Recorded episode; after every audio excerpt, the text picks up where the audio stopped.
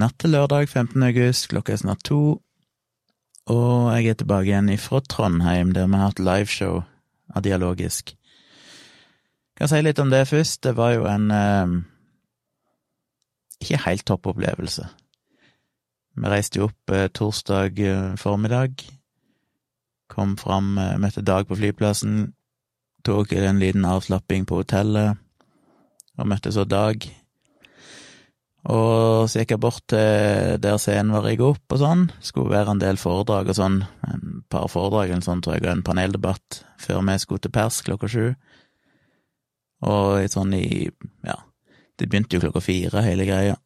Så sånn i tre-tid eller noe sånt, så gikk jeg bort, og så møtte jeg han eh, arrangør, han arrangøren, lederen for arrangementet, og snakka litt med han og jeg spurte hvor mange billetter som var solgt, og han sa det var solgt 130 eh, billetter til torsdagen, som jo var ganske bra, det var plass til 192 personer, hvis ikke jeg husker feil.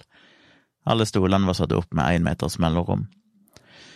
Så 130 var jo ganske ok, eh, men han regna med det kom flere i løpet av dagen, for eh, det var mulig å du trengte, Det var jo gratisbilletter, så en trengte jo egentlig bare å gå inn på nettet og registrere telefonnummeret sitt på grunn av sånn smittevernhensyn som alle registrerer mobilnummeret. Eh, så vi var litt spent, og han sa jo det at han var litt bekymra for at det kom til å komme få på foredraget, han kom til å være tynt da, men at alle kom til å komme når vi skulle ha show. Og det var jo trist å høre for de som skulle ha før oss, men gøy å høre for oss. Så jeg gleder meg litt, tenkte jeg, det blir jo mye folk og, og sånn.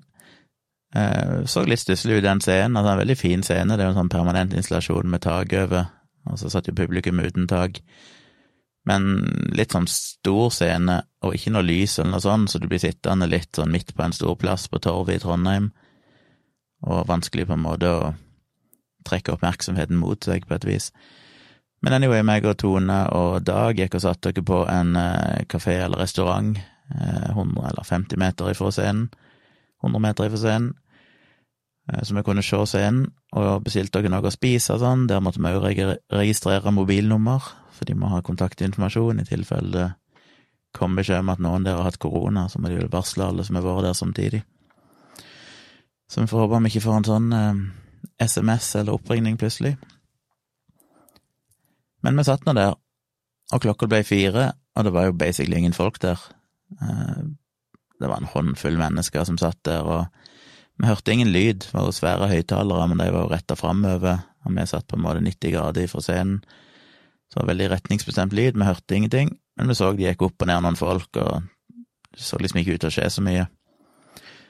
Og når klokka ble halv, eller kvart over fire, eller sånn, ti på halv Nei, ti, kvart over seks, mener jeg, så skulle det egentlig være en paneldebatt som begynte klokka seks og varte fram til sju, trodde jeg men før klokka var halv sju, så var scenen tom, det skjedde liksom ingenting, så vi skjønte jo ikke helt hva som foregikk. Men så gikk vi nå bort, sånn kvart på sju, og da var det kommet litt flere folk, og så fikk vi lov å gå backstage, som basically betydde at vi sto bak et gjerde, der det ikke var noen sitteplasser eller noen ting utendørs. så vi sto nå bare der, og vi hadde kjøpt noen eh, bokser med ja, øl, og jeg kjøpte noe sånn surøl, for det er det nærmeste øl jeg kan drikke. Og når vi hadde sittet og spist, etter vi hadde spist, så kjøpte vi jo ganske mye drinker, for jeg tenkte sånn shit, jeg må ha noen drinker for moro skyld, og se om det gjør at jeg eh, løsner litt. Så jeg hadde jo en del drinker, et glass vin og noe sånt, og der satt vi og venta. Jeg kjente ingenting av alkoholen, egentlig, som var litt merkelig, for jeg tylla meg en del drinker. Og vi gikk bort og hadde begynt å drikke litt sur øl, øl bak eh, backstage som var bak et gjerde, av en presenning. Og så etter en liten stund kom Thomas Seltzer, og det var jo kult, treffe han. Jeg visste ikke helt om han visste hvem jeg var, men uh, så kom jeg på etter hvert at jeez, han sendte vel meg en friend request på Facebook for noen år siden. Husker jeg var litt stolt av det, at han adda meg som venn. Men da sa han jo det da han kom der, liksom, at ja, han, eh, for jeg sa liksom ja, takk for at du stiller opp, så han jo, han hadde lyst til å treffe meg og hilse på meg, og så det var litt av grunnen. Det var jo hyggelig. Så vi sto der bak og prata litt, og kikka ut gjennom et hull i presenningen, og det var liksom ikke så mye folk. Så når det da endelig begynte, klokka ble sju, så ble vi introdusert, jeg gikk opp på scenen, og jeg tror ikke det var mer enn jeg telte det ikke, men kanskje en 50, maks 60 personer som satt der. Og når alle sitter med en meters mellomrom, så er det litt sånn spredd, og det var et stykke fra scenen. Så det var litt deprimerende, bare det. Og det var fortsatt ganske lyst ute, og det var ikke noe lys på scenen, så du følte du bare gikk opp på en mørk scene, egentlig. Og det var mennesker som gikk forbi overalt på utsida, for det var midt på torget der i Trondheim. og så vi gikk nå opp, og vi hadde jo, mens vi spiste middagen der, så hadde vi sittet og planlagt og tenkt litt gjennom hva vi skulle gjøre. Hva vi kunne snakke om i starten, før vi introduserte Thomas, og hva vi kunne snakke om når Thomas kom på scenen. Og så hadde, jo, hadde vi jo forberedt noen sånne etiske dilemmaer vi skulle gå gjennom som Tone hadde sittet og oversatt til norsk, noen vi fant på nett. Og ble enig om at Tone skulle være med på scenen og lese opp de etiske dilemmaene, som hadde to alternativer, og så skulle vi da sjekke med publikum hva de ville valgt, og så skulle vi diskutere de. Som jeg i dag begynte nå, men det var jo helt Det var en ikke noe særlig god opplevelse, for det føltes bare som alt jeg sa, falt flatt til jord, holdt jeg på å si, for det var så lang avstand til publikum at du hørte liksom ikke noe respons ifra dem. Dag satt jo en meter ifra meg, men når han snakka ut mot publikum, så hørte jeg jo knapt hva han sa. For det var ikke noen monitorer der, så han snakka i en mikrofon, vi hadde jo sånn bøylemikrofoner på oss, og jeg hørte på en måte når du får Når du har lyd ifra høyttalere som er tre-fire meter ifra deg, som peker i motsatt retning, så er det vanskelig å høre hva noen sier når de er rett på sida av deg, selv om det er samme lyden som kommer ut der, det er et eller annet fenomen, et eller annet med forsinkelse i lyden, et eller annet som bare gjør at det blir nesten som det kansellerer hverandre. Så jeg synes det var litt sånn vrient å høre hva han sa. Og han sa noen ting, og så tok han opp et eller annet som jeg måtte svare på, som jeg egentlig ikke hadde så mye tanker om. Men så sitter du der på scenen, og det sitter 50-60 personer og ser på deg, så må du bare si et eller annet, så jeg bare svarte noe jalla. Og så prata vi litt fram og tilbake, og jeg syns bare alt var liksom flaut, følte jeg, for det føltes ikke som publikum var med i det hele tatt. Selv om jeg tror alle i publikum Jeg spurte jo om det i starten, hvor mange som har hørt dialogisk, og det var vel basically alle, tror jeg. Så det var jo folk som spesifikt hadde kommet for å høre det, høre oss, som visste hva dialogisk var. Som jo var hyggelig, og veldig glad for de som kom.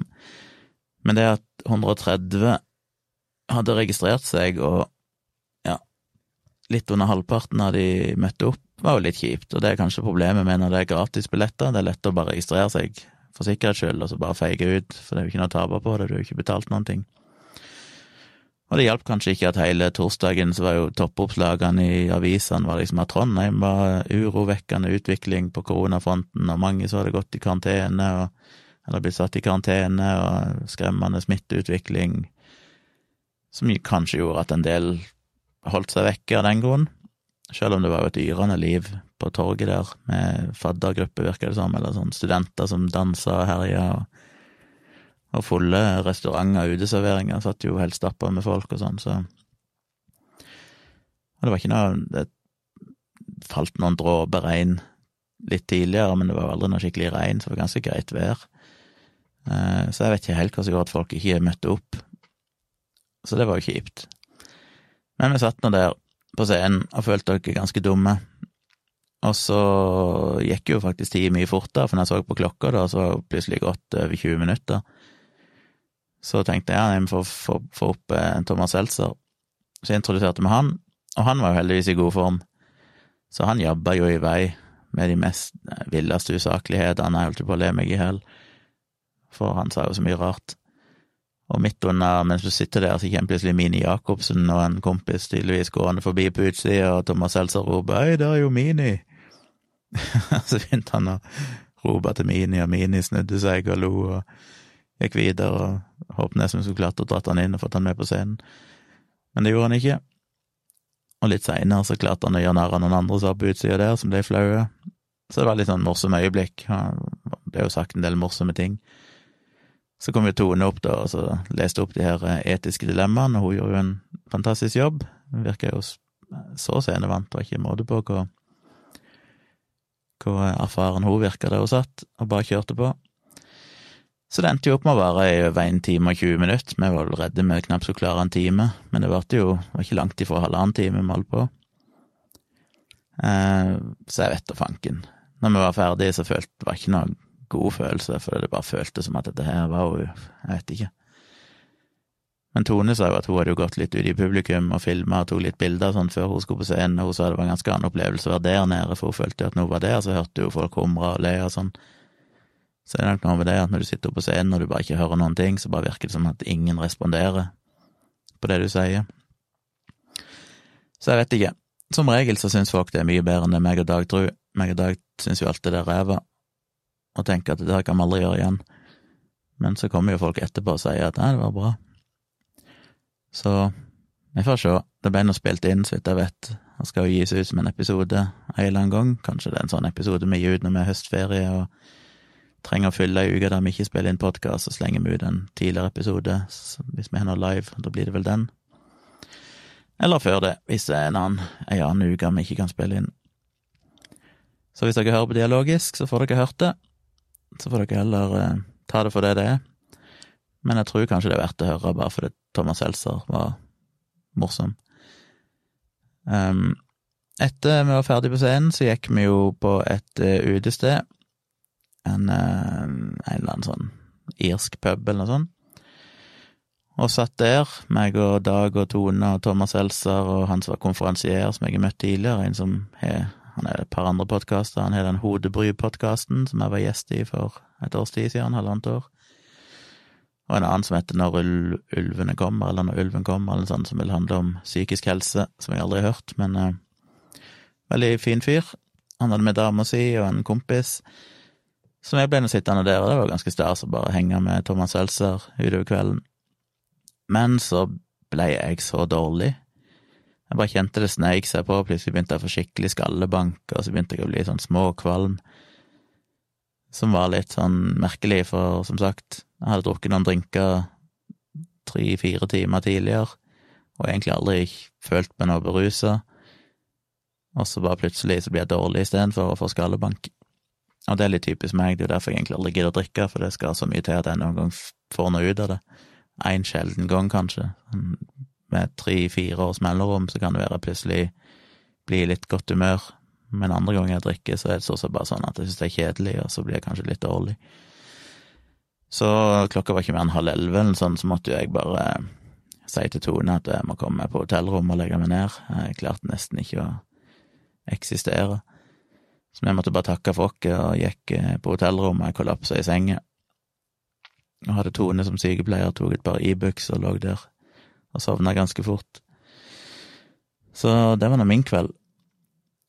Møtte jo Dag neste morgen, i dag tidlig, når vi skulle til, ta flybussen tilbake til flyplassen, og han sa de hadde vel sittet der til klokka var tolv, for de måtte jo stenge klokka tolv, og må vel alle utesteder med skjenkebevilling og sånn stenge. Og da hadde de bare gått hvert til sitt, de òg. Men Thomas Seltzer var en uh, utrolig trivelig fyr. Veldig sånn uh, Ja, var så folkelig. Det var nesten som Hadde kjent han alltid, holdt jeg på å si. Så det var kult. Jeg tok noen bilder av han og Dag og sånn, som jeg la ut på Instagrammen min, hvis dere vil sjekke ut dem. De var, eh, ble jo tatt i nesten stummende mørke, så var det overraskende at jeg klarte å redigere de til å få noe ut av de allikevel. Men det er et godt kamera, så selv om det nesten ikke er noe lys, og jeg ikke hadde noe blits eller sånt, så kan du hente ut veldig mye informasjon ifra de filene, og booste lyset ganske kraftig uten at det gjenger på bekostning av bildekvaliteten, så det er jo en av fordelene med det kameraet. Så det ble, ble, et par kule bilder, syns jeg.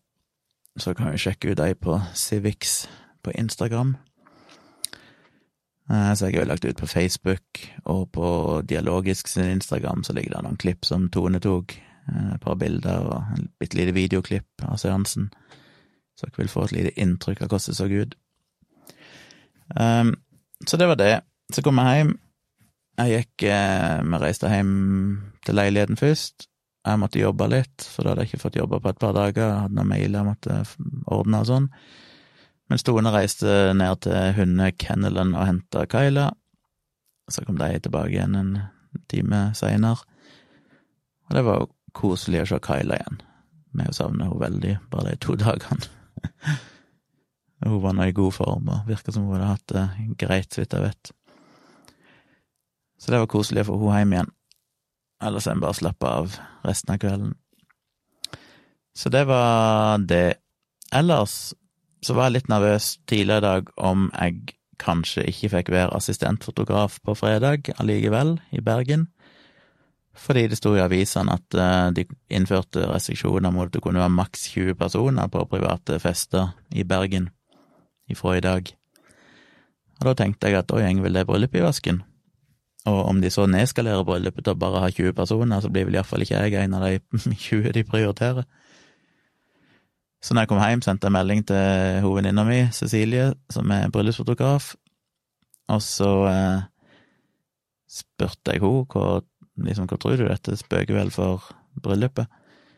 Og så gikk det, fikk jeg ikke noe svar på en ganske god stund, men da hadde hun tydeligvis sjekka med bruden i mellomtida, så jeg fikk screenshots av en chat hun hadde hatt med bruden, som sa at eh, den grensa på 20 gjaldt bare private fester, mens det bryllupet Eh, ble regna som et offentlig arrangement, eller skulle være et slags offentlig arrangement, og da er grensa fortsatt 200.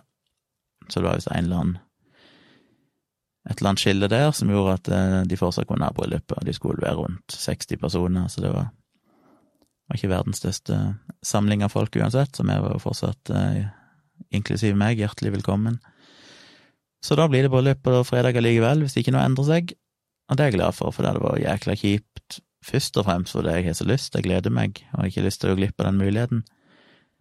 Men eh, som nummer to, for det at jeg vet ikke hvordan det hadde gått med flybilletter og hotell og sånn, om jeg hadde fått refundert det, om det er noe som reiseforsikringen dekker. Men nå slipper jeg å tenke på det, nå blir det i utgangspunktet bryllup på fredag. Når det gjelder andre bryllupet, det jeg kanskje skulle være hovedfotografer som et betalt oppdrag, eh, i oktober, så maila jo de for et par dager siden, tre, ja, to-tre dager siden, og spurte ja, om de hadde tatt noen avgjørelse, som jeg kanskje nevnte, jeg husker ikke om jeg nevnte det i forrige episode.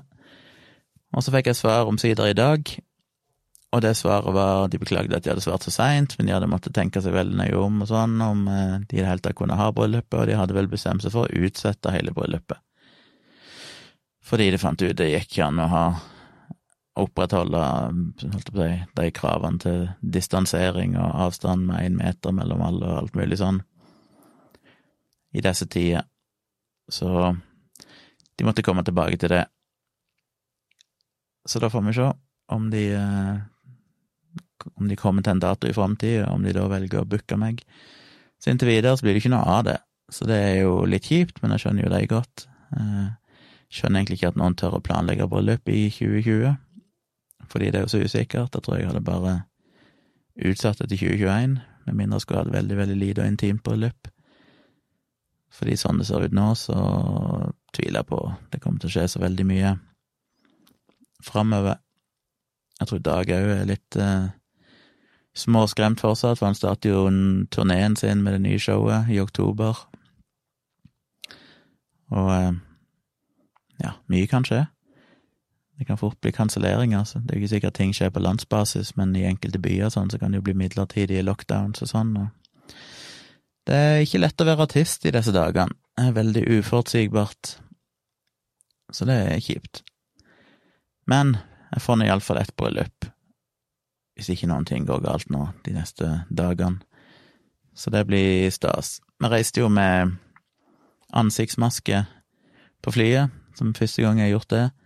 Første gang jeg brukte ansiktsmaske, som jeg var på apoteket og kjøpte en sånn eh, ti-pack, var det vel, eller 20-pack, jeg husker ikke, med ansiktsmaske, sånn kirurgisk kirurgiske ansiktsmaske.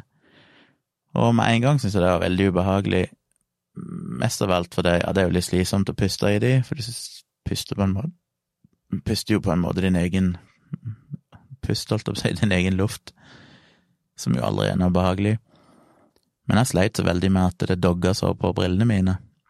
Det er jo en sånn metallbøyle i de som kan klemme rundt nesa, men allikevel så var det vanskelig å unngå at det dogga, og det var skikkelig plagsomt. Hver gang jeg pusta ut, så dogga brillene mine. Etter hvert så klarte jeg å justere det sånn at hvis jeg dytta maska langt nok opp på neseryggen, og plasserte brillene på en måte på utsida av maska, så gikk det. Men det skal så lite til med de brillene jeg har, for de er jo sånne progressive briller, som jeg plasserte de på og måtte liksom dytte brillene litt lenger ned på neseryggen, på utsida av maska. Bare de millimeterne med forskjell gjorde at da så jeg liksom ikke helt Jeg merka at det, det, ble litt sånn rart. Brillene var ikke helt i fokus, på en måte. Så jeg måtte velge mellom enten å ha brillene i en posisjon der ikke helt, de ikke funka helt som de skulle, eller at det dogga.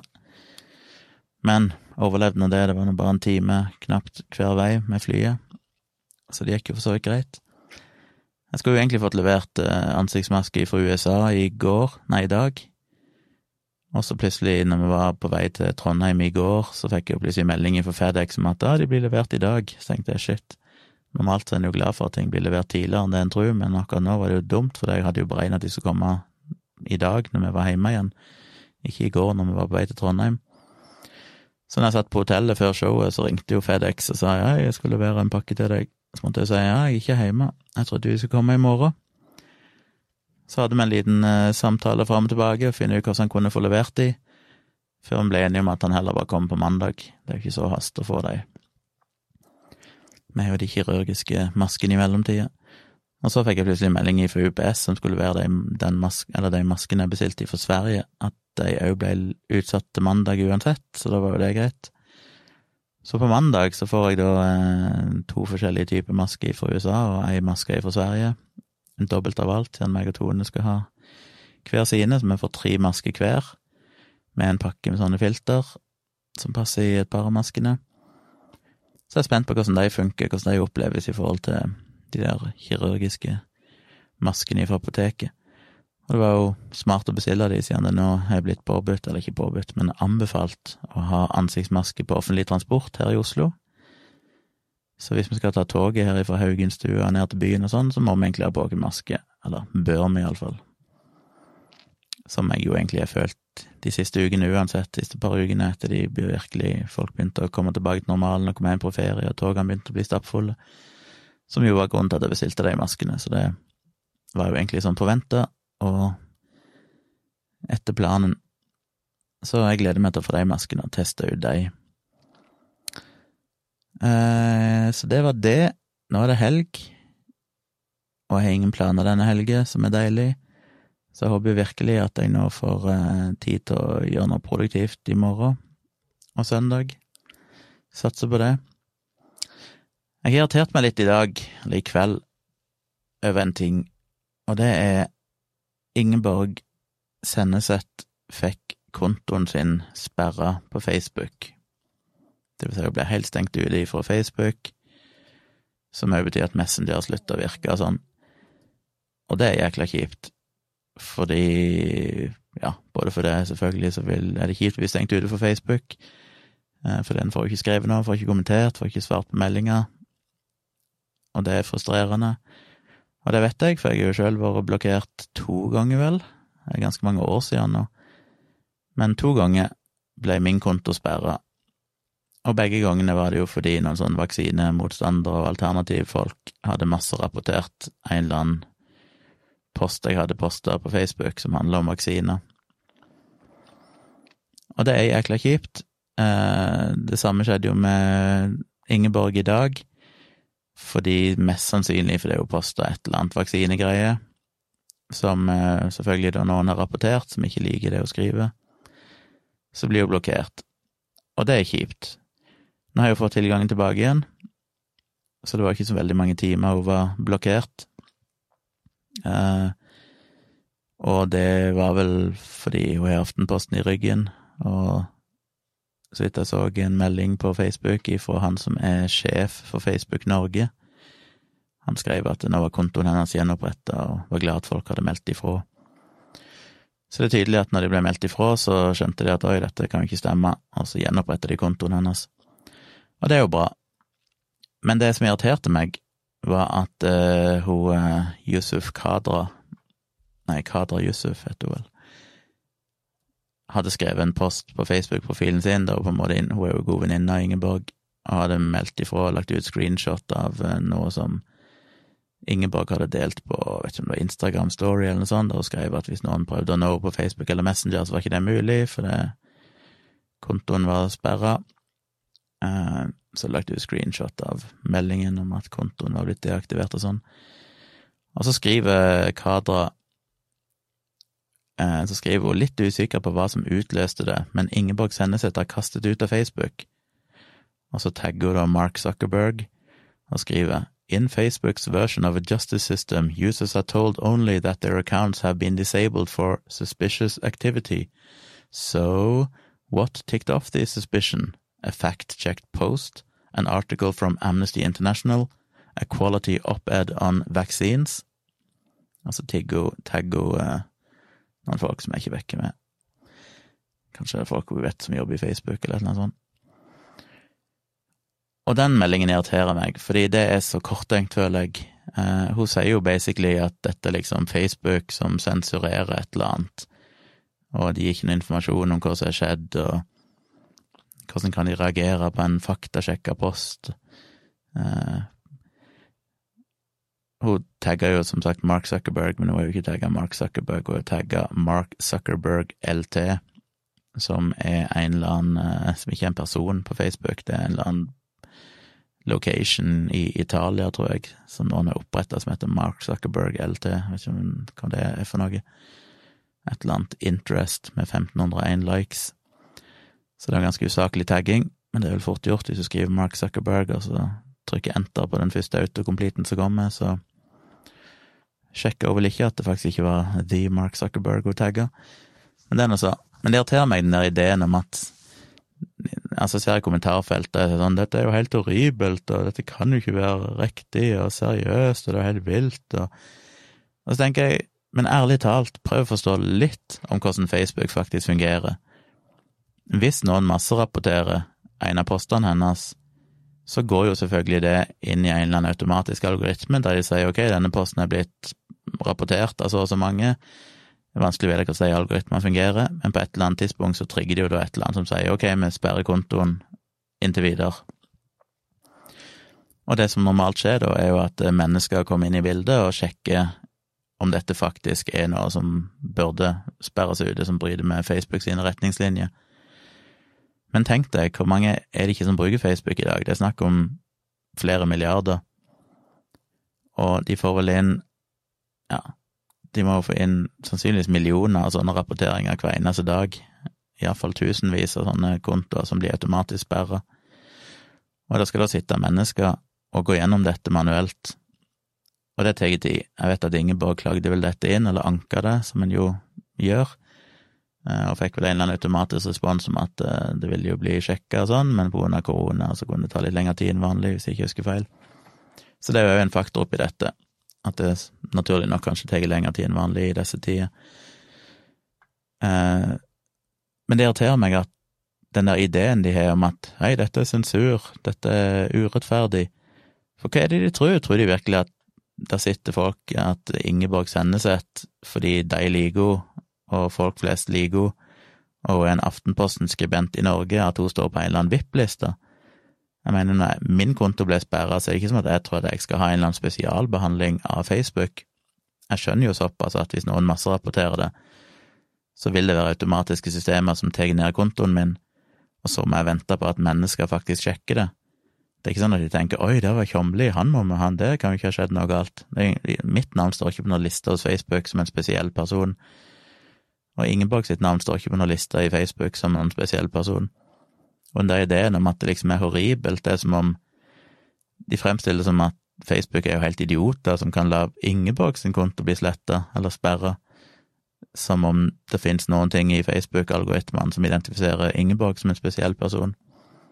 Og dette er selvfølgelig ikke kritikk av henne, hun har ikke gjort ting galt, jeg bare sier at kritikken som Kadra kom med, er så idiotisk, og sånn som irriterer meg, for det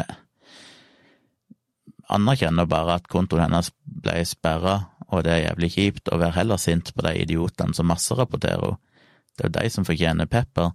Det er ingen av oss som bruker Facebook, som skulle ønske et system der det ikke var en automatisk blokkering av kontoer, eller at poster ble sperra hvis mange nok rapporterte de. Da hadde jo Facebook vært en eneste stor pøl av barneporno og terrorvideoer og de mest groteske tingene du kan tenke deg. Det er jo Eneste grunnen til at Facebook i det hele tatt er brukelig, er jo fordi de faktisk har automatiske algoritmer som responderer på den type rapportering. Og ja, av og til så blir en jo et ufrivillig offer for det, som jeg som sagt er blitt, jeg òg.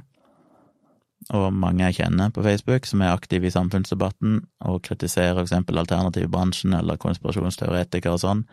eller høyreekstremisme, har opplevd å få kontoen sin blokkert fordi de er ganske aggressive på å masserapportere ting, organiserer seg gjerne over landegrensene sånn òg, og masserapporterer poster, sånn at du får kontoen din sperra. Men det er jo midlertidig, for før eller senere er det jo mennesker som ser på det, og ser at dette her er jo faktisk ikke noe som bryter med våre retningslinjer, så denne kontoen åpner vi igjen. Hadde de ikke gjort det, så kunne hun vært forbanna. Hadde mennesker sett på det og sagt nei, denne vaksineposten til bryter retningslinjene, da hadde det jo et eller annet som var helt horribelt, og alle måtte reagert. Men anerkjenner for fuckings sake at dette er algoritmer, og slutt med de der konspiratoriske tankene om at Facebook er urettferdige, eller at de sensurerer basert helt uten grunnlag. Så det irriterer meg. Det var dagens lille irritasjon, og jeg merker jeg blir sjokkerende irritert på det.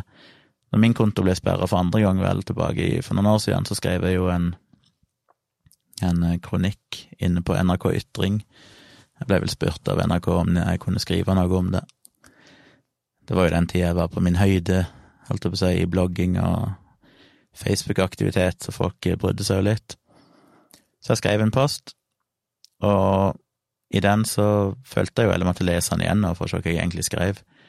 Men der følte jeg jo egentlig sa det samme som nå, at uh, jeg skjønner jo at det er sånn.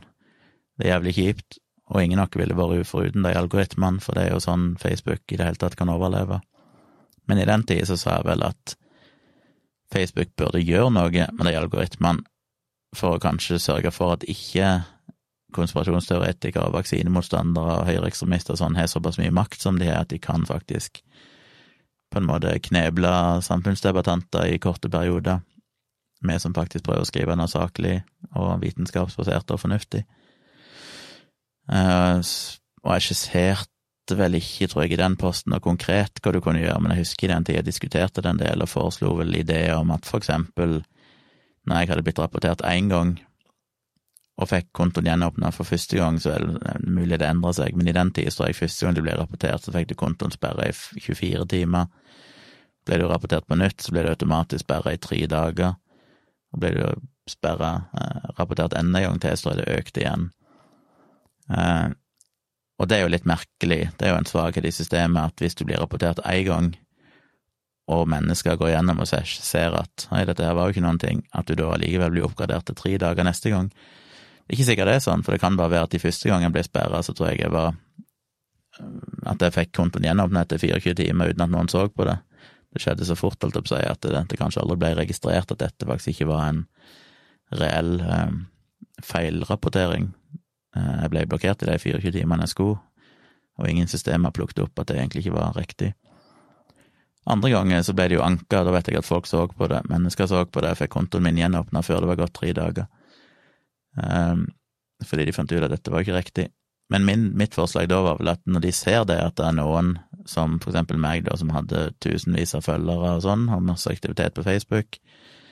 Så du ser at du er en, en viss profilert person, siden det er tusenvis av mennesker som følger deg, og du får kontoen din sperra et par ganger ved en feil, så tenkte jeg at da burde en på en måte få en slags en slags pluss én i ei eller annen liste som sier at terskelen for å få blokkert denne kontoen må være litt høyere enn for alle andre. Samtidig så burde de som da har blitt logga som at de har rapportert inn den posten min helt på feilaktig grunnlag, burde få en slags straff for det, sånn at neste gang de rapporterer ting, så har deres rapport litt mindre betydning, en slags minus én. At de kunne hatt et form for sånt system som nesten helt automatisk da bare hele tida justerte med pluss og minus, sånn at de vekta tyngden av om du ser ut til å være en pålitelig person som rapporterer, eller om du er en person som bare rapporterer i hytt og pine for å prøve å blokkere folk du er uenig med og om du er en person som blir utsatt for sånn rapportering, om det er helt uten grunn. Så det finnes definitivt systemer Facebook burde kunne lagt inn, selv om alle sånne systemer kan jo misbrukes. Jeg mener, hadde jeg visst om et sånt system, så kan du jo selvfølgelig organisere et eller annet med at du poster fornuftige ting som du får fake kontoer til å rapportere, sånn at du blir blokkert. Så sjekker de det og ser at nei, det er ikke noen grunn til å blokkere dette, og så får du da en pluss én fordi at du da er liksom blitt urettmessig blokkert. Så lar du det skje en gang til litt seinere, og så har du fått en pluss to. Og så kan du poste noe som er helt horribelt, og når folk da rapporterer det, så vil det være altfor høy terskel for at det faktisk blir tatt ned. Så en, en eh, utspekulert nok, så kan en alle sånne systemer misbrukes. Så da måtte en i så fall ha vekta inn om du ser ut til å ha mange følgere som er reelle mennesker, og alt mulig sånn, for å se hvor troverdig du er som, som konto, holdt jeg på å si, eller som person. Så jeg vet ikke. Når jeg ble sperra, så det er jo en seks-sju år siden sist, tror jeg, og det er jo som sagt gått noen år da, og det ser ikke ut til å ha skjedd noen særlige forbedringer, så det er jo ikke noe Facebook tydeligvis eh, har vektlagt, kanskje fordi de ikke har funnet noen god løsning på hvordan du kan håndtere det. Men realiteten er iallfall fortsatt at dette er algoritmer. Det skal vi egentlig bare være glad for, så hvis folk får kontoen sperra, så vær forbanna på de som rapporterer, og meld ifra til Facebook om at dette må være feil. Men ikke begynn med sånn konspirasjon om sensur og at det er Facebook som er urimelige, fordi de fikser jo dette så fort de faktisk har menneskelige mennesker til å sjekke det ut. Det er jo ikke noe galt med retningslinjene deres akkurat i dette tilfellet, de er jo andre retningslinjer som jeg kan kritisere. Men akkurat her så er det jo bare automatikk. Så det irriterer meg, og jeg tenker at Kadra burde visst bedre, hun er en såpass profilert samfunnsdebattant sjøl, at dette her burde hun egentlig holdt seg for god til, men ok. Så det var min lille rant for dagen. Jeg snakka i over en halvtime.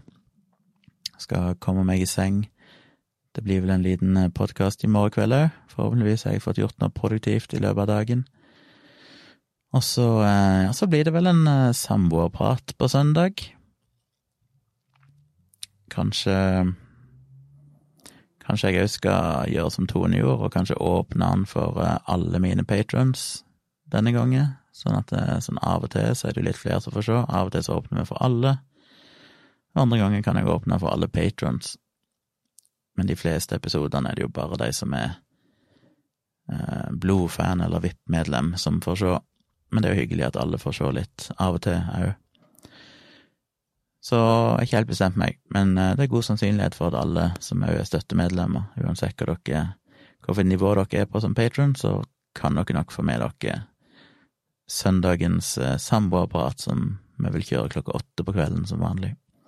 Men det kommer mer informasjon om det i noen poster. Og sjekk ut bildene mine fra Trondheim, som sagt, på Civics på Instagram, eller på eh, Ja, på Dialogisk på Instagram ligger de òg. Mulig å legge ut ett eller to av bildene derifra i fotoporteføljen min. Jeg er litt usikker om de var bra nok til at jeg vil det, men jeg får tenke på det. Anyway, så kom jeg i seng, og så er jeg fortsatt ikke helt i form etter gårsdagens drinker, så jeg trenger en natts søvn, tror jeg, og håper jeg er i full vigør igjen i morgen. Så da høres vi igjen ganske snart.